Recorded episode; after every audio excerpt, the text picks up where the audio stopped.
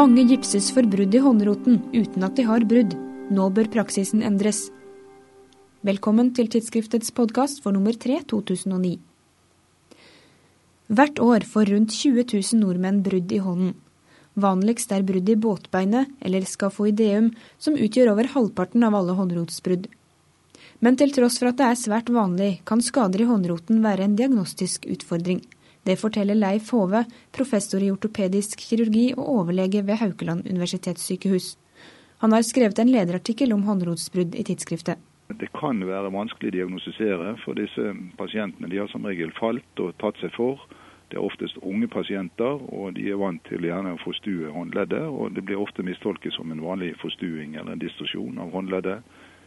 Og eh, kan derfor lett eh, overses både av pasienten og når man kommer til lege, så er det ingen av de typiske funn ellers med brudd, med feilstilling og hevelse osv. Fordi at det er små knokler det er snakk om, og de ligger så tett bundet inn i kapselvev at det gir lite hevelse. Så Derfor kan det være en utfordring å klare å stille diagnosen at det virkelig foreligger et brudd. Det vanligste å gjøre per i dag, hvis røntgenbildene ikke viser tegn til brudd, men det likevel er mistanke om det, er å gipse. En studie fra Haugesund, publisert i dette nummeret av tidsskriftet, viser at det er viktig med tidlig behandling for at resultatet skal bli bra. Særlig når det gjelder båtbenet, så har det hos en del pasienter en vanskelig eller dårlig blodforsyning. Blodforsyningen minner ofte om den man har i eh, lårhalsen, ved at eh, blodforsyningen kommer proksimalt fra, altså fra øvre del av knokkel. Og når det er et brudd på tvers, så kan det føre til at, eh, at knokkel får dårlig blodforsyning i halvdelen av sin utbredelse. Og Det fører til at det vil gro dårlig. og Derfor er det viktig at man så tidlig som mulig får stabilisert eller immobilisert disse bruddene, slik at man ikke får forsinket brudd til heling, eller risikerer at det ikke gror i det hele tatt. En slik praksis kommer imidlertid ikke uten omkostninger. Er man for ivrig med gipsingen, kan det føre til overbehandling. En studie fra Gjøvik, som også er publisert i dette nummeret, viser at bare drøyt 20% av de som ble behandlet med gips, faktisk hadde brudd. Men hvordan kan man unngå dette? Hvis man eh, hadde en trygg metode til å få tatt eh, mer grundig diagnostikk i starten, f.eks. ved MR eller CT, så påviser man mange flere brudd enn ved vanlige røntgenundersøkelser. Og Det har jo vært en, en ulempe i Norge at man ikke alle steder har tilgang til MR, slik at uh, disse pasientene ikke har vært aktuelle i den målgruppen. Men nå med mange private røntgeninstitutter og uh, MR-maskiner nesten på alle sykehus, så bør det være mulig å få tatt MR i løpet av en dag eller to etter at pasienten har eh, kommet under behandling, slik at man kan få stilt denne diagnosen sikkert på et tidlig tidspunkt, og ikke lenger trenger å gipse eller behandle de bare på mistanke om skade. Spørsmålet om det er MR eller CT man skal utføre ved mistanke om brudd, dukker ifølge Hove opp på de fleste kurs i frakturkirurgi. Svaret er hvert til sitt bruk. Det er jo slik at uh, siden de fleste av disse bruddene bare blir eh, gipset. Da trenger man ikke å reponere på noen måte, og da er det ofte tilstrekkelig med MR. MR er jo ellers en, ellers en, en eh, best egnet til bløtdelsdiagnostikk, men akkurat når det gjelder brudd i håndroten, så har det vist seg at her har man en, en veldig stor grad av sikkerhet når det gjelder eh, diagnostisk treffsikkerhet. Den er på henimot 100 slik at MR er veldig godt når det gjelder å påvise om det er et brudd eller ikke.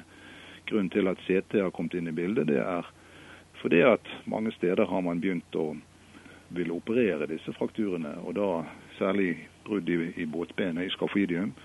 Og da er det viktig med å ha en god CT-diagnostikk for å se om det foreligger feilstilling, for å se om det er noe avstand mellom fragmentene osv., slik at man får kartlagt typen brudd og omfanget av bruddet bedre med CT enn man gjør med MR. Studien fra Haugesund viser at gjennomsnittlig varighet av gipsbehandling var 9,5 uke, men enkelte pasienter må ha gips i opptil 16 uker. Det finnes imidlertid et svært godt, men foreløpig lite brukt alternativ, nemlig operasjon. I Norge er det nesten ingen som blir, blir operert. og eh, Operativ behandling, der er det utviklet nå metoder som gjør at man kan operere de da på med såkalt perkutan eh, kirurgi, altså at man lager bare et, lite halv centimeter stort snitt, setter inn en, en ledepinne gjennom bruddet. Da kan man også reponere de idet man setter inn denne pinnen, og så skrur man inn en skrue over, en kanulert skrue.